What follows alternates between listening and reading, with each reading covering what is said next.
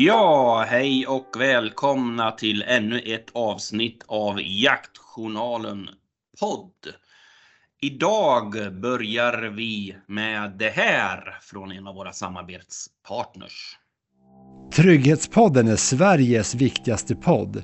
För här ställs de relevanta frågorna som rör din och alla andras säkerhet och trygghet.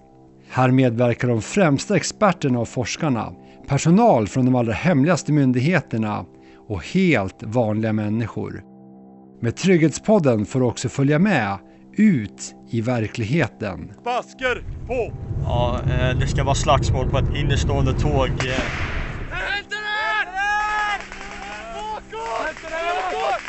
Hör alla avsnitt av Trygghetspodden och se bilder och videor på trygghetspodden.se.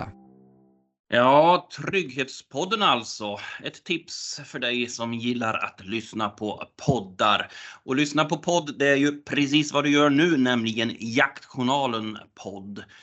Och idag så sitter jag, Andreas Åsneim, här tillsammans med, med eh, Per Jonsson. Tjena! God morgon, god morgon. Eller god dag, god dag. Och två podddebutanter här har vi med oss också. Det är Jonas Seger och Kjell Brännström. Två hängivna fågeljägare vet jag. Och um, medarbetare av Jaktjournalen. Välkomna ska ni vara också. Tack, tack. Tack, tack. Vi kommer att återkomma till Jonas och Kjell lite senare i det här, det här avsnittet. Eh, där vi ska snacka om den här fjälljaktsutredningen som eh, just nu är på tapeten. Och där kommer vi också ha med en intervju med eh, ordföranden för Renmarkskommittén, Erik M Runesson. Lyssna på det här. Men för att slippa ha en splittrad rättighetsbild så, eh, så, så anser jag och kommittén att eh, då bör man i så fall göra likadant med samebyarna i Jämtland här i dalen. Eh, för att trots att de kanske då inte kommer att kunna hävda en Girjas rätt. Men det är viktigt tror vi att, att eh, förvaltningen och upplåtssystemet och rättigheterna blir någorlunda likartade i, i hela området. Ja, Erik M Runesson där alltså ordförande för Renmarkskommittén. Riktigt spännande ska det bli att höra vad han har att säga. Det blir lite snack kring det, eh, så vi återkommer till det. Men först, som vanligt, blir det lite nyheter. Och eh, Per, det har ju till exempel kommit en tilldelning vad gäller vargjakten, eh, den kommande vargjakten. Vad Ja. kan vi säga om den tycker du? Ja, att... eh, Ja, vad ska man säga? Det blev ju inte som man hade hoppats, men kanske som man hade förväntats. Eh, Tilldelningen baseras ju på en, eh, en ekvation. Man räknar ju ut baserat på hur stor vargpopulationen är. Så finns det eh, ett räknesätt att komma fram till en tilldelning. Men det finns ju också en ambition hos den svenska regeringen eh, och riksdagen att vi ska ha en lägre vargstam. Eh, det har de ju puffat för, om inte annat när de har skrivit debattartiklar och så, representanter. Men i fjol så hade vi en tilldelning på 75 vargar. 57 av dem eh, fälldes. Eh, årets tilldelning är ju bara en, det är ju en halvering, eh, knappt eh, 36 vargar damp ner här via pressmeddelande från länsstyrelserna. Eh, Så det blev ju bara en liten tummetott. Och det trista är ju också att eh, utsatta län som exempelvis eh, Gävleborgs län och Dalarnas län, de får ingen tilldelning alls i år. Däremot så blir det väl någon slags nypremiär för Västra Götaland. Vi har ju haft vargjakt i Västra Götalands län tidigare, men då i de västra delarna eh, och nordvästra delarna av länet. Eh, Men nu kommer det tillåtas vargjakt i Ripelångreviret som ligger ja, mellan Herrljunga och Ulricehamn kan man säga. Där det tillåts eh, jakt på sex vargar. Och, och just det reviret, det, där, det var ju där man hade en skyddsjakt eh, för inte alls så länge sedan och sköt bort hanen om jag minns det rätt. Va? Ja, så vitt jag vet så är det inte ens säkert att det finns sex vargar i det reviret, vilket är lite konstigt. Vi har ju revir längre norrut i länet som, som, som är betydligt mer, eh, vad ska man säga, högre eh, andel varg än, än vad det förmodas vara i Ripelången. Så att det är ju inte alls säkert att det ens kommer fällas sex vargar där. Men det här, de här sex, det är ju så vitt jag förstår någon form av medelväg som länsstyrelserna tar fram då med att det är ungefär vad en, en, en vargflock eh, består i. Sen har ju historien visat eh, vid flera licensjakter att det inte har räckt. Man har haft tilldelning på sex vargar men när man har skjutit dem så har man fortfarande haft vargar kvar i reviret. Så att eh, det, här är ju, det här är ju tråkigt. Eh, och det som också är lite intressant är att Gävleborgs län, så vitt jag förstår det, eh, deras vilthandläggare de eh, har ju faktiskt inte ens ansökt alltså, eller tagit något jaktbeslut. Eh, Simon Wiklund sa i en intervju med, med Jaktjournalen att vi har, inte, vi har valt att inte ta något jaktbeslut för att möjligheten är begränsad och andra län är prioriterade före oss. Så att eh, ja, jag lider med, med jägare i, i, i Gävleborg och Dalarna som, som får dras med, med, med vargarna utan att ha möjlighet att jaga dem. Då. Gunnar Glöelsen, eh, jaktvårdskonsulenten och en väldigt initierad eh, person när det just gäller rovdjursjakten och dessutom brukar han ju delta i licensjakterna. Han hade ju dessutom gissat rätt i detta så att han var ju han var ju skeptisk från början men, men hade rätt när han tippade på, fast han trodde ju att Värmland kanske skulle få mer jakt. Även Skåne är ju ett län med flera vargrevir som inte heller får någonting och de är ju ganska irriterade framförallt på jägarförbundsnivå nere i Skåne då, som inte får ta del av, av det här uttaget. Och det, där är det också en stam i ett, i ett landskap som har väldigt mycket tamboskap och, och, och vilt och mycket, alltså det är tätbebyggt eh, område. Det känns inte riktigt som att det är en, en vettig ett vettigt landskap att, att härbärgera så många vargar som man nu har faktiskt. Glöjsen var ju inne på det här att, att egentligen att det är inte så jäkla krångligt att räkna ut hur många vargar som kommer att komma i tilldelningen utifrån det förvaltningssystem vi har liksom och utifrån de riktlinjer myndigheterna har och, och, eh, och räkna på så att säga. Tror du alltså regeringen har ju varit ganska tydlig med då att, att man ska minska stammen av, av varg. Eh, nu får inte det något genomslag uppenbarligen i år och om jag har förstått det där rätt så handlar ju det till stor del om att de här nya riktlinjerna har inte börjat gälla och så vidare än då. Men, men vad tror du, kommer det här få ett genomslag i nästa år till exempel? Jag är ju en skeptiker så jag tror ju inte det. Men eh, det, det, det, blir ju också lite fånigt. Eh, representanter från de politiska partierna nu eh, skriver, skriver texter där de på något sätt eh, Alltså, det, det, låter som att de är i chock över att det blev så här, blev så här och det är katastrofalt. Men, men, men det är ju som sagt precis som Gunnar Glörsson sa när han fick, eh, fick gissa. Det är ju inte rocket science. Det är ju bara att räkna så får du ju detta resultatet. Och det vet ju vet det, politikerna också men de vill dra lite snabba poäng. Sen är det ju så att Eh, vi är ju lik förbannat då återigen bakbundna av de direktiv eh, vi har som EU-land.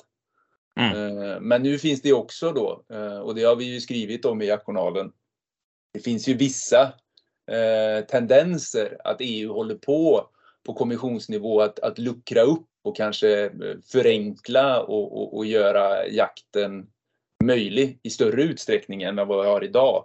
Alltså det var ju Ursula, Ursula von der Leyen va, som är kommissionsordförande. Hon, hon, drabbades ju personligen av vargangrepp och sådär och, och, det har ju varit en del diskussion på EU-nivå nu eh, hur man ska minska det här strikta skyddet på varg och det är väl egentligen först när det förändras mm. som vi kan eh, höja tilldelningen i Sverige eftersom vi har det här referensvärdet eller GYBSen Eh, att ta hänsyn till. Så det spelar egentligen ingen roll att politiker säger att vi vill ha mindre varg eh, när, när vi har verktyg idag som inte tillåter det helt enkelt. Nej, precis. Hörru du, en nyhet vi har skrivit om den här gångna perioden som handlar om lite av vad ska man säga, konsekvensen av att ha varg i, i det område där man jagar, det är ju om um, den här sorgliga historien om jakthunden Luna. En eh, två och ett halv år gammal hund som blev ihjälbiten av en varg då under jaktträning. Eh, Mikael Moilon, en kollega som har skrivit den där historien. Och där då eh, Tommy, ägaren till den här hunden, får eh, beskedet av Länsstyrelsen att de vill att han lämnar den här hunden i skogen helst. Va, va, den där historien har fått jättemycket uppmärksamhet och många är upprörda över det där förslaget eller vad man ska säga. Va, va, vad tänker du kring det? Det, är ju, det är ju, framförallt så är det ju oerhört tragiskt för Tommy Kålberg i, mm. i, i Grums. Alltså det är det man allra, allra, allra minst vill ska hända när man släpper sin hund. Eh, att komma fram till den, eh, om den och så, så visar det sig då att den inte den har blivit i princip uppäten av varg. Eh, och detta sker ju under helgen och när han ringer och rapporterar detta så, eh, så får han ju då på telefon beskedet att han ska lämna hunden för att det inte finns någon besiktningspersonal i tjänst på helger. Eh, så att de vill genomföra besiktning på måndagen. Men, men, men, och, och Moilan har gjort ett hästjobb med och, och, och prata med alla möjliga tänkbara eh, personer på myndigheten, både handläggare men även besiktningspersonal.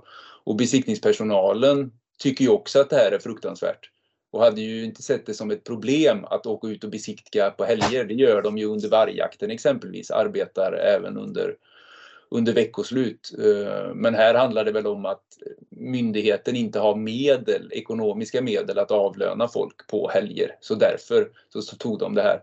Men, men, men, men de pudlar väl lite eh, så här i efterhand och meddelar, för att han fick ju faktiskt ta med sig hunden Även om det första beskedet var att han inte fick det. Eh, men, men, men det visar ju på något sätt bara den problematiken som finns inbyggd i nuvarande system. Att man är ganska okänslig mot den eh, potentiella förlust och, och, och de känslorna som en hundägare eh, eller jägare kan känna då om de råkar ut för en sån här tragisk händelse. Så vi får ju egentligen bara hoppas på att det leder till bot och bättring från myndigheternas sida, att det här blir någon slags väckarklocka. Fan, så här kan vi inte agera. Vi får ju vi får vara lite finkänsliga. Ja, en otroligt eh, jobbig historia att läsa tycker jag i alla fall. Du, vi, vi ska försöka hinna med en, ett ämne till här i nyhetsblocket bara och då ska vi snacka eh, ett helt annat vilt, nämligen älg. Vi går ju mot älgjakt i, i hela landet här. Jag har ju varit igång i norr under september. Eh, vi berättade i veckan om en eh, riktig drömälg som en tjej som heter Linda eh, sköt. Eh, hon bor i Hudiksvall. En riktig sån här drömoxe. Och vi skriver ju till och från om, om eh, jägare som har lyckats eh, fälla fina älgar, eh, fina oxar. Och nästan varje gång så får man några kommentarer på det där. Ja, Men ska vi skjuta de där stora oxarna och, och hur, hur ser vi på det med en svag älgstam och så vidare? Va, vad säger du? Är vi, är vi liksom som jägare, borde vi släppa dem oftare? Ja, det är ju många lag som gör det. Framförallt innan brunsten så väljer man att eh, inte eh, fälla kapitala älgtjurar för att säkra att de eh, så att säga går i, i avel eller att de för, är med i, i vad heter det, föryngringen av älgstammen då och kan lämna sina gener. Men, men, men det går ju inte att säga på rak arm. Alltså jag vill absolut inte komma med pekpinnar till hur, hur jägarkåren hur jägarkåren ska agera och i det här fallet idag med tanke på hur älgstammen ser ut så är det väl främst kor, stora eh, produktiva kor som vi bör ge fanken i att skjuta eh, ja. kan jag ju tycka. Men, men, men det här är ju också en fråga, för menar, man ser när det är bockjakt, skjuter du små bockar under bockjakten så får du garanterat höra på sociala medier att den skulle du spara. Eh, att skjuta bockar på tillväxt är ju oförsvarbart. Men, men så kommer det till älgar och så skjuter man en älg som, som har liksom en sån här grann älg, den kanske är 6-7 år. Eh, och den har ju sannolikt eh, deltagit i brunsten tidigare och redan lämnat eh, sina gener. Eh, men då är det ett problem att skjuta stora älgar. Så att det här, jag tror att vi kommer, vi kommer alltid ha de här diskussionerna eh, och det finns ju säkert också en del avundsjuka eh, inblandat i det här. Om inte annat så, så, så görs ju det gällande i kommentarerna när någon skriver och har synpunkter på att det har fällt stora älgar så är det fort någon där eh, och kritiserar eh, och menar att det, handlar om avundsjuka, att man inte kan vara glad för någon annans jaktlycka. Och, jag själv, jag tycker att det är fantastiskt kul att vad heter det, Linda har fått vara med om en sån här fantastisk upplevelse. Eh, det är inte många gånger du fäller en, en, en, en riktigt grann älgtjur i ditt liv, om du ens gör det någon gång. Så det är väl klart att vi ska kunna glädjas med hennes eh, fantastiska jaktlycka. Vad tycker ni, Kjell och, och Jonas? Ja, jag är ju, jag är ju loppjägare så jag får ju höra mycket att jag skjuter bara stora älgar. Ja. och det har ju varit lite diskussion om att just loppjakten är mycket av grunden till varför älgstammen har blivit som den blir, i alla fall uppe hos oss. Det finns till och med jaktlag som har förbjudit loppjakt. Men, eh, men det, man gör ju ett val. I år så lockade jag in tre älgar på ett pass, en liten tjur som jag inte kom åt, alltså en fin skoveltjur på cirka 14 tagg som jag fredade. Så sköt jag en liten kviga som var i sällskap av dem. Så att, eh, det är ett val man gör. Mm. Ja, och sen att man skjuter stora, stora älgar inom brunsten. Ja, det, jag, jag har egentligen ingenting att säga om det utan tål älgstammen det och liksom jägaren blir glad, jaktlycka som det kallas. Och varför inte? Men det är ett val vi jägare gör. Freda eller skjuta. Vad säger du Kjell? Jo, det är så där det fungerar, exakt. Jag kan bara instämma i det han säger. Mm. Ja, och sen är det väl så också när man så ser en sån här stor älg, någon, någon sitter och är glad och lycklig över att ha fällt en stor älg, så vet man ju heller inte hela historien om den lokala stammen, om hur de jagar och vad de har skjutit innan, vad de kommer att skjuta mer och så vidare. Så det är ju generellt sett lite förmätet ibland att gå in och ha synpunkter på andras jakt på det sättet, kan jag tycka så det, det, det, är svårt också och mm. dessutom finns det ju som du var inne på Per med stora bockar, små bockar, stora älgar, små älgar. Det finns ju så många olika synpunkter hur man förvaltar stammarna. Det, och det är ju liksom ingenting som är 100% rätt och det andra 100% fel. Den, det enda man kan konstatera det är att skjuter man en ko så blir det ju inga kalvar. Så enkelt är det ju. Nej, men, Nej och, men... och, det, och det, jag vet att jag lyssnade på ett, eh, ett intressant föredrag om förvaltning och då handlar det ju egentligen om att sparar du tillräckligt många älgar så kan du egentligen vad heter det, skjuta vilken tjur du vill så länge ja. tillräckligt många tjurar i stammen får lov att överleva. Ja. Så att du har en hög tjurandel i en stam så spelar det ingen roll för, för här i södra Sverige eh, så har vi ju extremt mycket hornbegränsningar i, i skötselområden. Och, och det är små skötselområden och, och, i granntrakter så kan de vara diametralt motsatta reglerna kring, eh, kring hornbegränsningar. Att i det ena området sparar man 0 till 4 och i det andra sparar man 4 till 8. Så att det, det kan kännas lite på något sätt tröstlöst att, att mm. spara en älg som man vet går över, går över rågången och så blir den fälld i grannlaget för att där är just den älgen tillåten. Så att jag tror ju, jag tror ju mest på att man har en, en, en klok förvaltning när det gäller antalet djur som får fällas och könsfördelningen dem emellan och att man framförallt inriktar jakten på, på unga djur, alltså kalv. Mm. Ja. Eh, framförallt i, i de här områdena nu där vi ser att, att älgstammen har dykt eh, radikalt. Det går inte att skjuta vuxna överhuvudtaget om man vill ha en älgstam kvar där.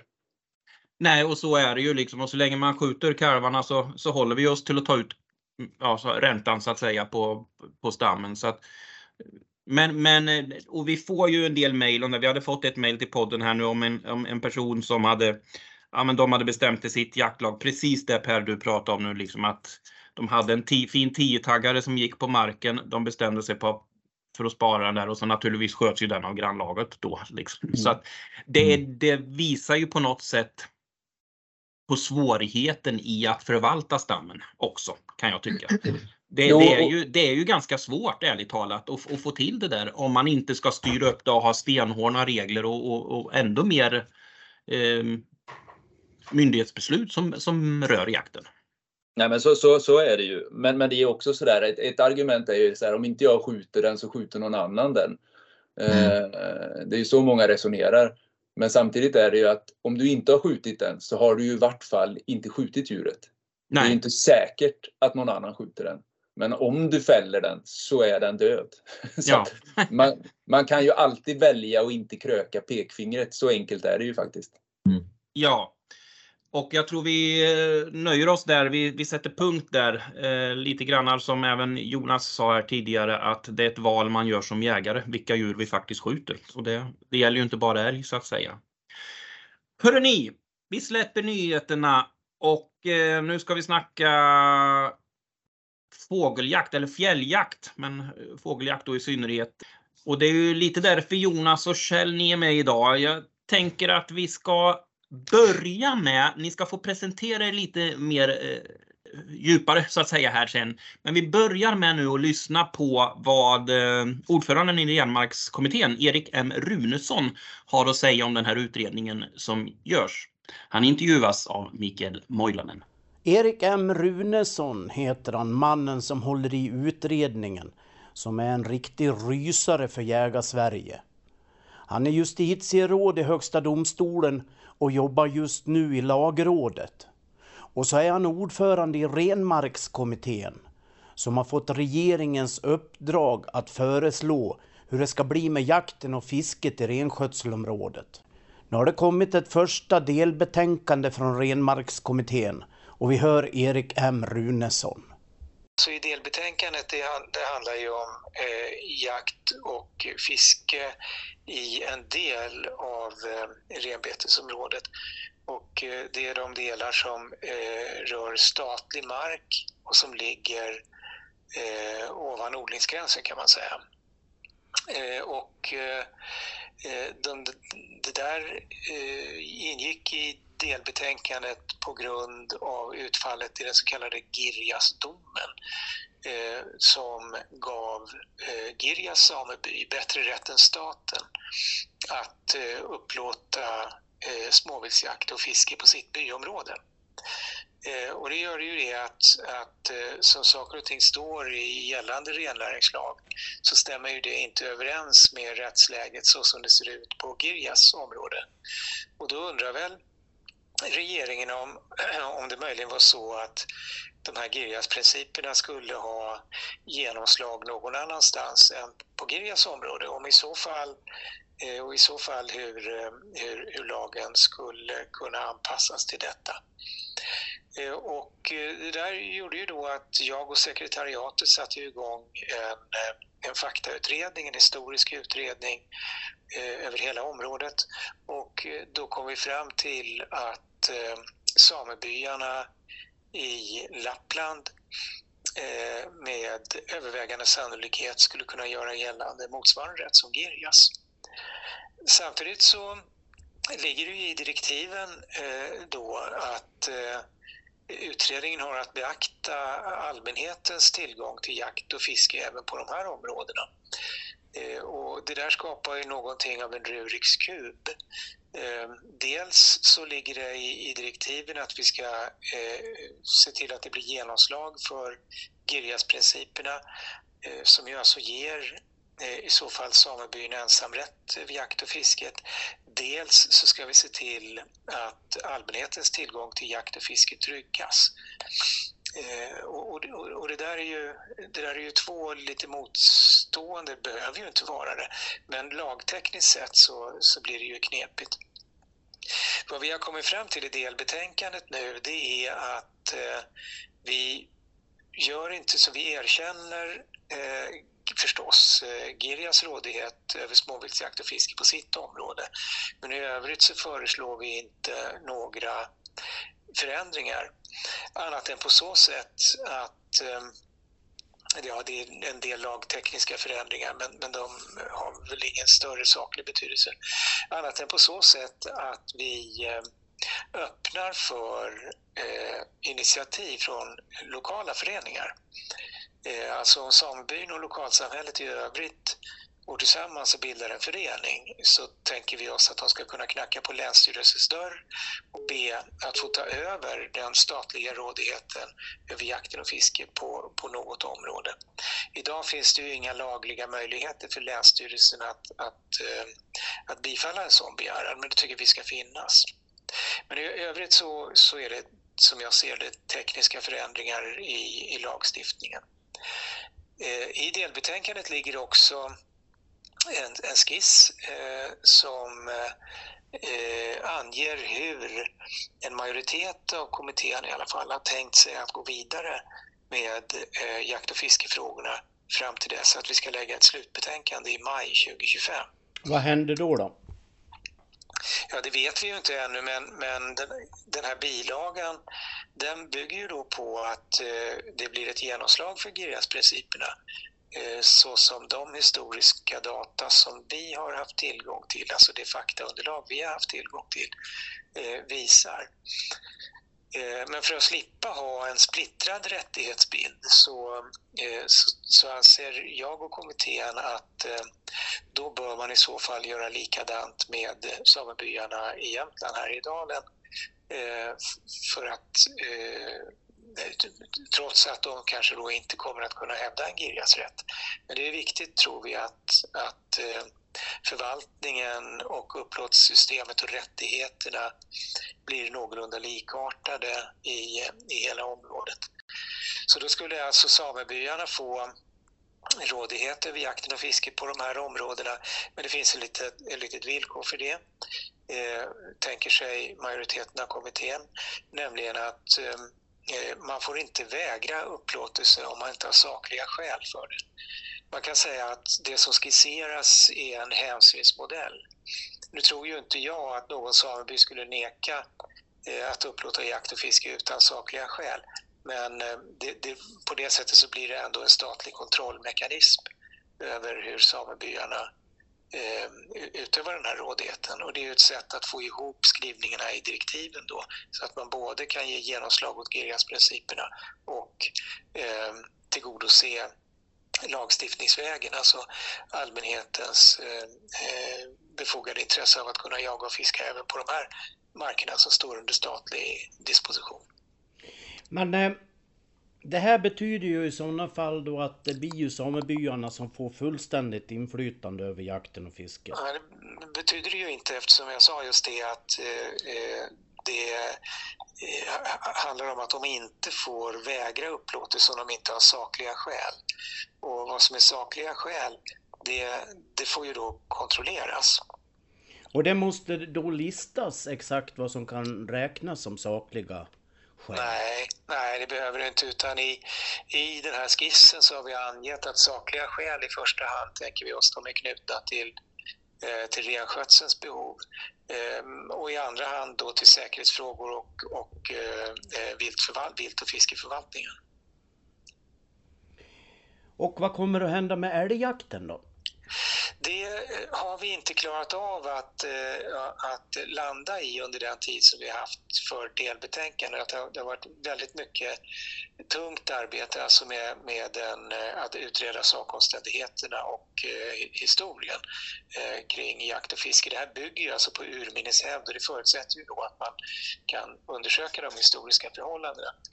Så det, det gör att vi inte riktigt har eh, landat i, i detta. Och ett, ett särskilt skäl till det, det är ju att de administrativa, alltså de förvaltningsrättsliga föreskrifterna kring älgjakten är, eh, får jag ju säga, de är ganska snåriga. Så det behöver vi, det behöver vi faktiskt mera tid att titta på. Hur många år till kommer det att ta innan vi vet hur det, alltihop det här landar? Ja, det är ju, det är ju, det är ju sagt att ehm, eh, utredningen ska arbeta vidare till maj eh, 2025 och då ska det ju ligga ett, ett slutbetänkande på bordet.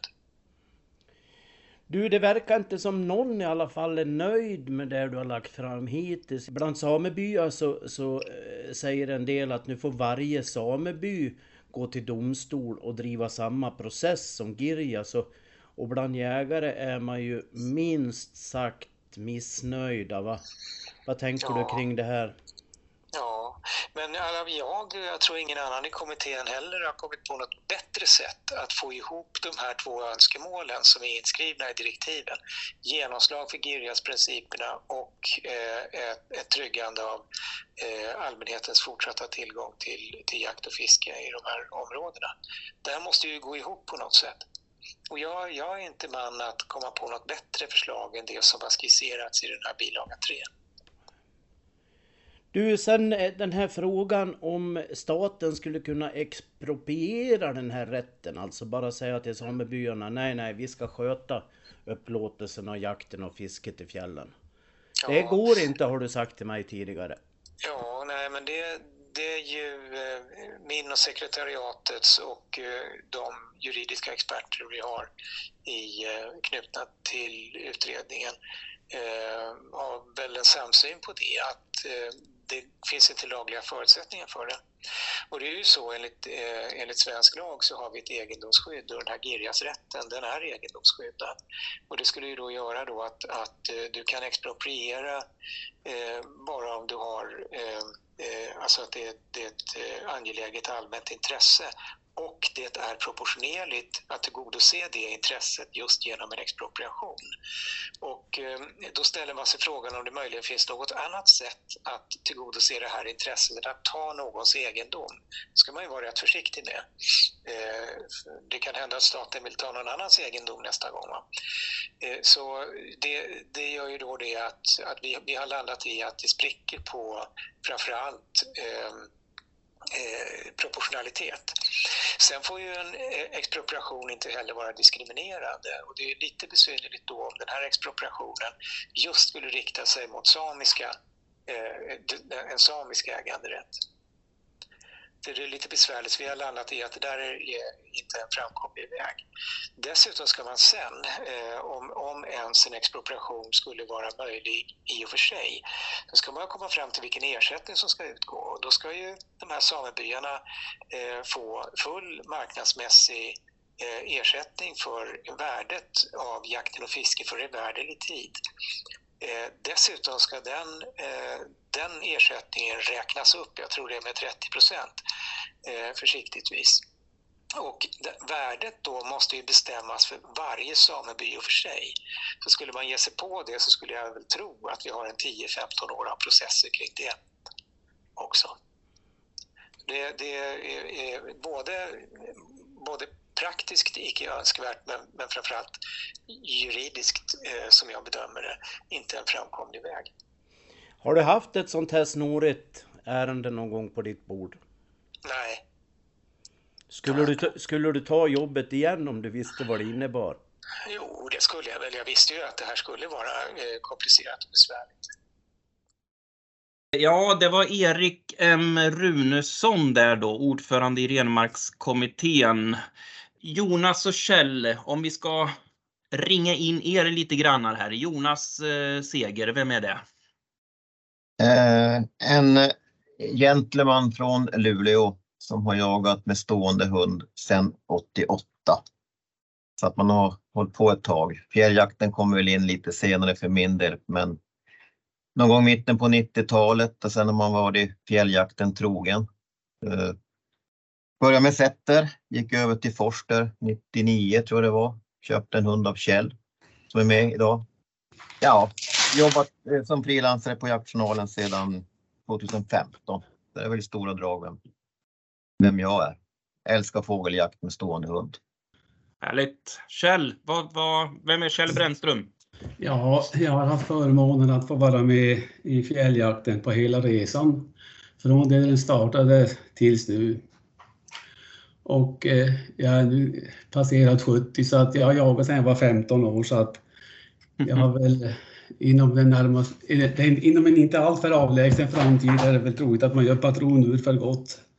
Men eh, fjälljakten, den har ju stått, eh, legat mig väldigt varmt om hjärtat och eh, det är tragiskt att se hur en så fin reform har kunnat saboteras på detta sätt och att vi har hamnat där vi är idag.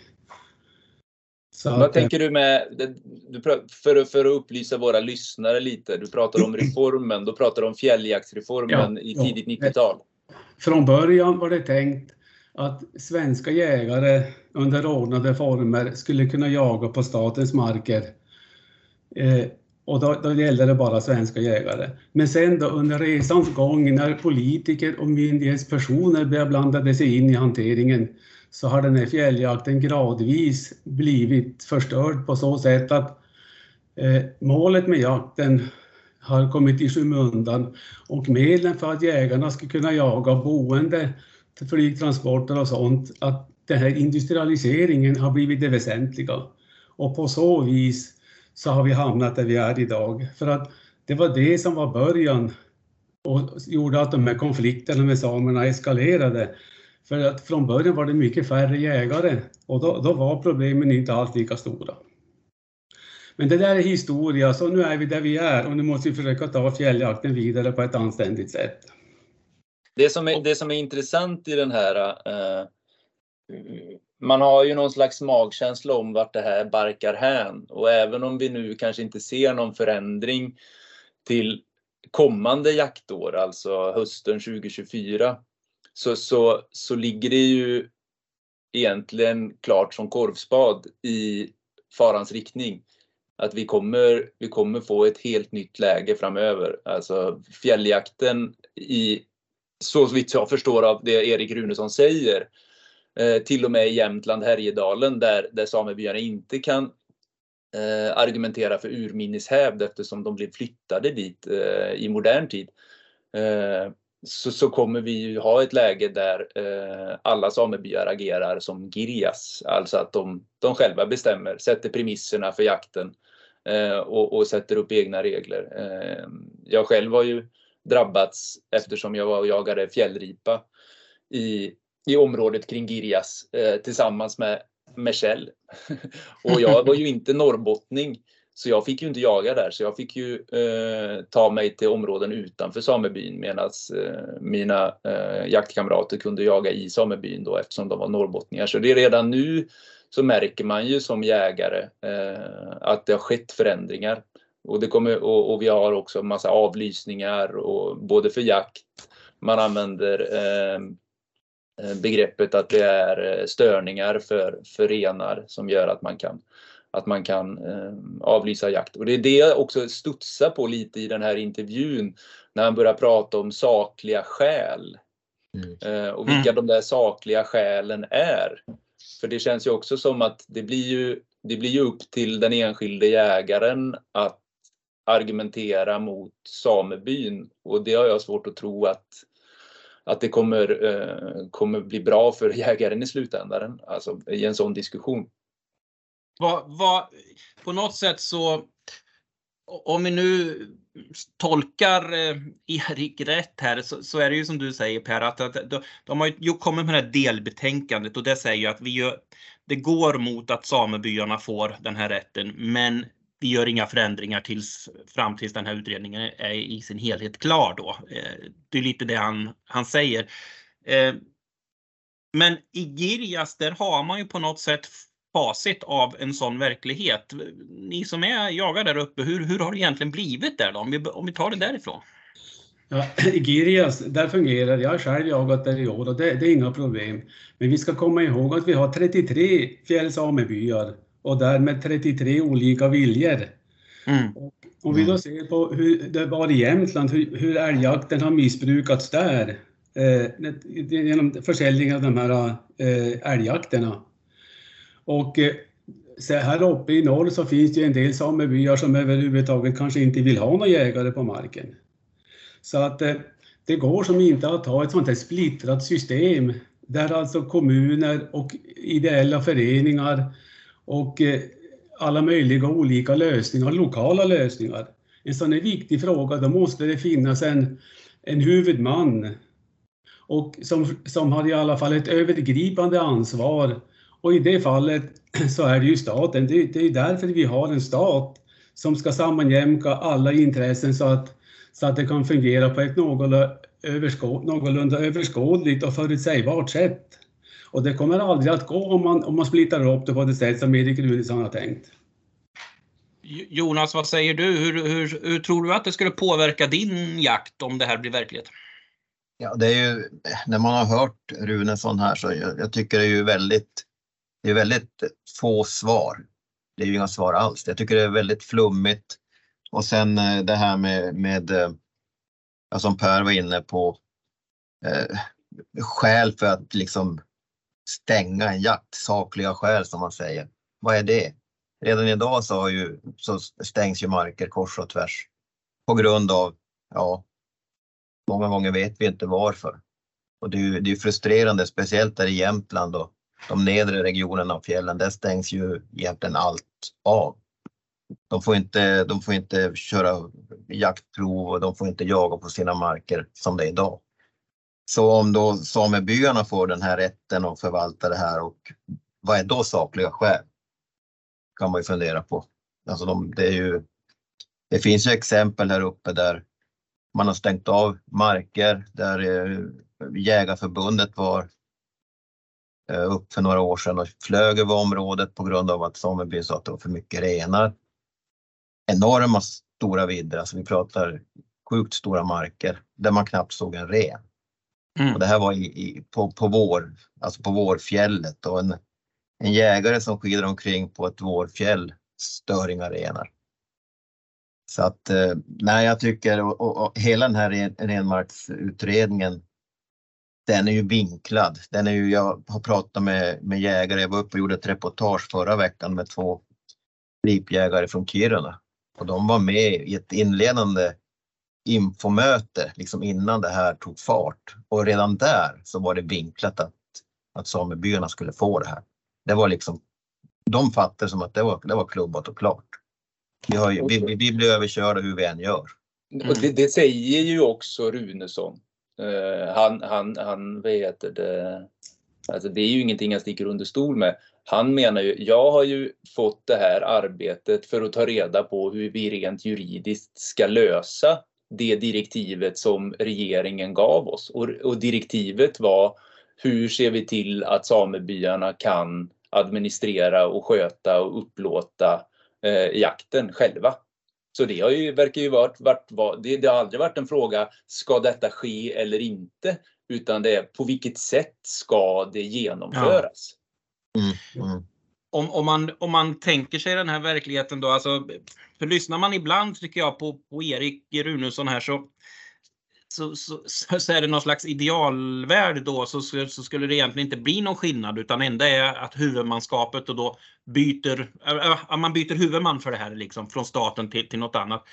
Men, men lite grann som du säger Kjell, det, det är ju inte en då en myndighet utan snarare ett, ett helt gäng som ska bestämma och att det riskerar att bli väldigt olika på olika platser och, eh, och sådär. Hur, hur ser ni på det? Tror ni, alltså, kan det, skulle det kunna bli så att det egentligen inte påverkar så mycket utan att det bara byter, huvudmannen byts? Liksom?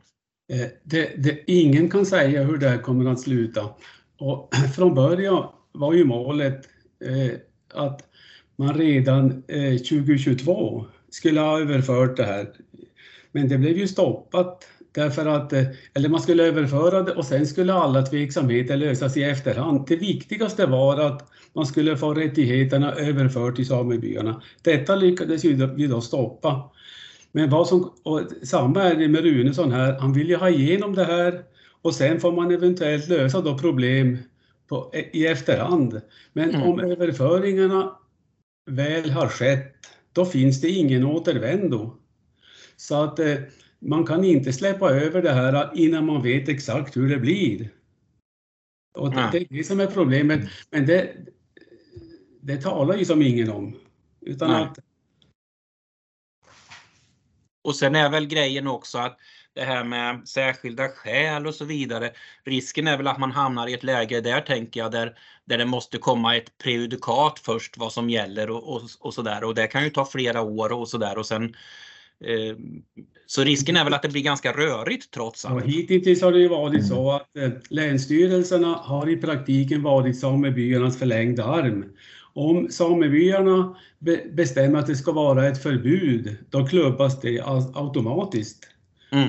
Så det finns ju det finns inga regler alltså för vad, vad, vad, krävs för att man ska få, få göra ett skoterförbud eller ett, ett jaktförbud, utan att det bygger då enbart då på, på hänsyn till rennäringen och det blir naturligtvis ett subjektivt beslut från samebyn. Mm. Och sen måste man komma ihåg, vad är en sameby? Jo, en sameby är en ekonomisk förening. Det skulle gärna, lika gärna kunna heta Girjas AB. Därför att i samebyn, så där röstar man ju då enligt eh, antalet renar respektive renägare innehar. Och det innebär att i praktiken så kan det i, i samebyarna vara några få personer som innehar ett stort antal renar som egentligen bestämmer den här verksamheten. Och det är till, eh, till denna då sameby, dessa samebyar som då rättigheterna ska överföras. Mm. Att, att det där är ingen lämplig eh, organisationsform tycker jag, för det finns ju ingen insyn i verksamheten. Så att eh, ja, det, det är ur demokratisk synpunkt tycker jag det är eh, synnerligen tveksamt om, man ska göra det här. Är, är, ni, eh, är ni oroliga för er egen jakt? Absolut, absolut. Ja, Det är ju, det är ju, man, man är ju en vanlig skattebetalare och man sitter inte på en förmögenhet och det jag är rädd för och många andra det är ju att det blir något, en exklusiv form, en jaktform där liksom det är pengarna som får tala. Nu har vi ingen, inga bevis eller någonting på att det kommer att bli så men många är rädd för det i alla fall. Att kontakter och mycket pengar, då får man jaga på fjället. Mm. Vi, vanlig, vi vanligt dödliga, vi, vi lämnas liksom åt sidan. Det, det, är väl det jag och många, många fler är oroliga för. Kjell, Och sen det här med, med, ja, förlåt, Kjell, Kjell, du var väl med innan fjälljaktsreformen och hur, hur, hur var tillgängligheten eh, för de som ville idka fjälljakt på den tiden? det kan jag tala om att när man ansökte om, om eh, tillstånd att få jaga i fjällen, då kom det en, en eh, färdigtryckt stencil från Länsstyrelsen där det stod med hänsyn till samernas intressen kan jakt inte beviljas. Men däremot så kunde höjdarna på, L- från LKAB, de kunde flyga ut och jaga. Och de som hade kontakter i den så kallade rennäringsenheten, de kunde möjligtvis få jaga. Så att det, var, det var jättesvårt alltså för, för vi som bodde i Norrbotten, utom då Kiruna Jakt och Fiske. De hade ju ett, ett eget område i, i, i Kiruna kommun där jakten till, mellan Kirunajägarna och eh, de samebyar som var runt omkring fungerade alldeles utmärkt. Men i övrigt så var fjällvärlden stängd totalt. Mm. Och fjälljakten blev en oerhörd lättnad. Och de här första åren innan då myndigheterna blandade sig i för mycket, då kunde man jaga alltså fritt. Man hörde inte ett skott. Det var inget problem att kunna flyga ut och det var, det var lugnt, stilla och väldigt, väldigt enkelt. Hörrni, ni, vi får se vart det här kommer att landa in. Eh, men vi, vi kan ju inte lämna med, vi måste ju prata någonting om också, som är lite roligare här. Eh, Jonas och, och Kjell och Per också. Vad är det som gör att den här fågeljakten på fjället eller på, i skogen uppe i norr, vad är det som gör den så speciell? Vad, vad, varför? ja, det är ju, för min del är det ju mycket liksom eh, omgivningen. Vara på ett fjäll när liksom det sprakar i höstprakt, allt är gult och det är rött och det är vackert och det är vita vingar och liksom samarbetet med hunden är bra. Det flyter på. Det är ju friheten. Mm. Naturen, upplevelsen, det är väl det, är väl det. Inte, inte antal fåglar i säcken utan det är ju helheten som är för min del det viktigaste. Och bara Ja, kunna få vara där uppe det- för det är ju så sjukt vackert. Det är ju en jakt, det händer ju mycket när man jagar fågel. Alltså, eh, jagar du en vecka eh, älg så kanske du inte ens ser en älg, men oftast så du får ju du har, du, har, du har ju mer jakt när du, när du jagar småvilt generellt än när man jagar högvilt eh, eftersom tillgången oftast är bättre. Men fågelstammen fluktuerar ju, eh, eller fågelstammarna fluktuerar ju. Alltså med, ibland så, så pikar bestånden och ibland så är det svarta natten med, med knappt några fåglar alls. Och den parametern i form av att man inte riktigt vet. Men man har en plan och, och man, får liksom, man får slita lite eh, för att hitta fåglarna. Du kan få gå milvis för att få en fågeltagning eh, och då ska man ju helst av, också lyckas fälla fågeln efter allt slitet. Det är det som är alltså, det är lite möda och besvär för, för, för att få till det ibland. Och ibland så är det ketchup-effekt. Du, du går på kull på kull på kull och du har en riktigt jäkla bra jakt eh, utan egentligen någon insats. Och det är just det. Och det är ju så jakt generellt alltså att det är ju, man vet ju aldrig på förhand och hade man vetat det så hade det inte varit så roligt heller. Men, men, men att, att göra det i någon slags Sveriges sista vildmark, det gör ju också att det blir extra häftigt. Hör du Kjell, du som, du som har uppenbarligen tagit ett och annat steg då på, på fjällen där uppe. Vad, vad är det som gör att du varje år drar på dig kängen och knallar upp igen? Ja, säg det. Men att de, de har ju sagt mycket av det där, de här två. Men framförallt tystnaden. Alltså när man är där, då får man uppleva hur det är att när det är riktigt tyst. Och det, det uppskattar jag i, i dagens larmande tillvaro. Och även när man då, som när det är mörkt, här där man nu bor i vanliga fall så är det ju nästan aldrig riktigt mörkt. Men om du tältar i september, en mulen kväll och går ut ur tältet, och du då ska göra det får du då. Men i alla fall så, om du håller upp handen framför dig, du ser den inte. Mm. Och det är en fantastisk upplevelse faktiskt. Att, att uppleva mörkret, tystnaden, det är framför allt. Plus att man skjuter en och annan fågel, det, det gör ju inte saken. Ja, vad härligt. Eh, Då fick vi lite eh, skön känsla för det här. När ska ni ut eh, och jaga nästa gång? Jag åker lördag kväll. Och vad blir det då? Det Hemlig. blir... Jag åker upp i alla fall, jag kan väl säga inom Kiruna kommun kommer jag att vara nu när jag far imorgon bitti och sen, ja, jag kommer hem när jag kommer hem. Ja, då finns det väl bara en sak att säga helt enkelt. Tack ska ni ha och skitjakt på er. Tack Tack för att detsamma. ni fick vara med. Ha det gött. Ja. Hej då! Hej, hej. Nej.